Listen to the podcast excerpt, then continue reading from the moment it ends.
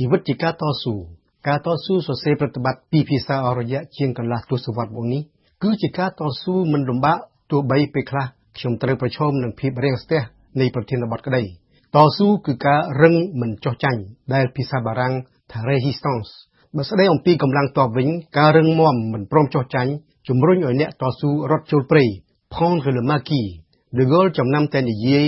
ថាអ្នករត់ចូលព្រៃមានកាន់តែច្រើនឡើង បង្កទៅជាចម្បាំងតបព្រៃ Les maquis se multiplient et entament la guérilla. La résistance juive lors de la Seconde Guerre mondiale, quant à elle, ne signifie pas que les combattants entrent dans la clandestinité. C'est plutôt l'organisation d'une résistance armée dans les ghettos de Varsovie, de Lodz ou dans les camps de concentration de Treblinka, Sobibor, Auschwitz, etc.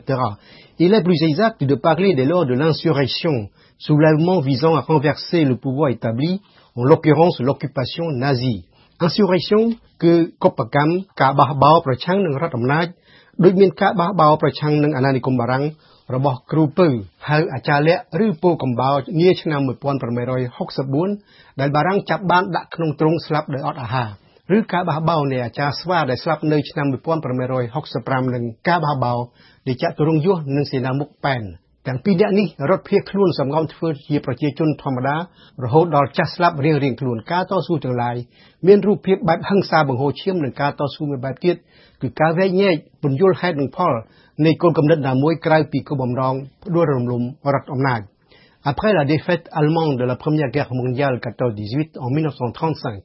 un traité anglo-allemand marquant le triomphe de la diplomatie allemande menée par von Ribbentrop consacre indirectement le droit de l'Allemagne au réarmement. Winston Churchill résista à la politique de bonne camaraderie avec les nazis. La résistance de Churchill, avant et après sa nomination comme ministre de la Marine, peu avant l'éclatement de la Seconde Guerre, est exemplaire. Selon The Guardian, Churchill disait je trouve insupportable que notre pays tombe dans l'orbite et sous le pouvoir et l'influence de l'Allemagne nazie et que notre existence dépend du bon plaisir de celle-ci. Fermez les guillemets.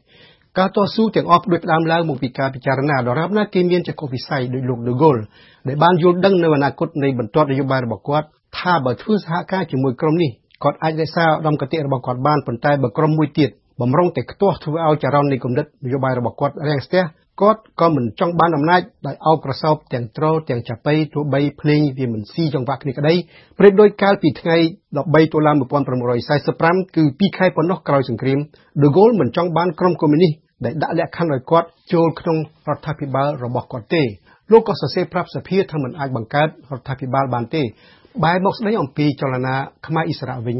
យើងឃើញមានក្រុមចៅដោយក្រុមអាចារ្យយីជាអាចក្រុមខ្មែរវៀតមិញដែលមានប៉ែនសវណ្ណនៅក្នុងនោះក្រុមប៊ុនច័ន្ទមុលដែលមានដាបឈួននៅជាមួយក្រុមអ៊ីវកឹសនិងង៉ែតហ៊ានលាក់នឹងលាក់ម្នាក់ម្នាក់ដើរតាមយុទ្ធវិធីផ្ទាល់ខ្លួនប៉ុន្តែបន្ទាប់ពីសម្ដេចអ៊ូចេញមុខដឹកនាំចលនាទីមទាឯករាជ្យពីបារាំងក្រុមអ៊ីស្រាអែលក៏បានមកចុះចូលរួមកម្លាំងគ្នាដែរ À ce propos, la résistance khmer des années 50 sur le plan international commença par le voyage en France du roi père Sihanouk pour rencontrer le président français Vincent Auriol, puis son voyage au Canada où il donna une conférence de presse le 12 avril 1953, suivi d'un mémorandum envoyé aux représentants diplomatiques à partir de Toronto aux États-Unis le lendemain, 13 avril 1953. De guerre lasse, il retourna au Cambodge via Tokyo, où il envoyait une lettre de protestation suite aux propositions françaises du 9 mai 1953 jugées inacceptables.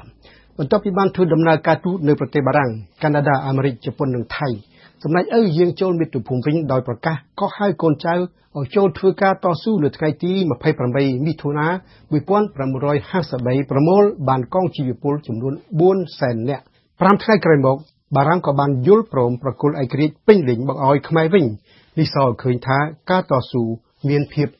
ិងក្តៅ À supposer que la mobilisation de 400 000 hommes après l'appel du roi père Sihanouk à Siem Reap le 23 juin 1953, que la démonstration de force soit le mal, cependant force est de constater que le bien invenu avec le mal et l'indépendance totale a été accordée. Le 29 août 1953, transfert des compétences police et justice. 17 octobre de la même année, transfert des compétences militaires. Tout ceci pour parfaire le traité d'indépendance de 1949 ជាទីបញ្ចប់លោកអៀវកឹសដែលជាអ្នកតស៊ូទាមទារឯករាជ្យម្នាក់ដែរនោះប្រហែលត្រូវបានបារាំងបោះគ្រាប់បែកដៃក្នុងការិយាល័យសម្លាប់ក្នុងសៀវភៅរបស់ង៉ែតហ៊ាននិយាយអំពីអៀវកឹសង៉ែតហ៊ានក៏ត្រូវរបួសនឹងគ្រាប់បែកដៃនេះមុននឹងស្លាប់លោកអៀវកឹសបានប្រែផ្ដាំថាសូមប្រាប់គ្នាយើងឲ្យបន្តនយោបាយទៅទៀតដរាបបានឯករាជ្យជាតិអរគុណប្រិមិត្តអ្នកស្ដាប់ Merci d'avoir écouté. Au revoir et à bientôt.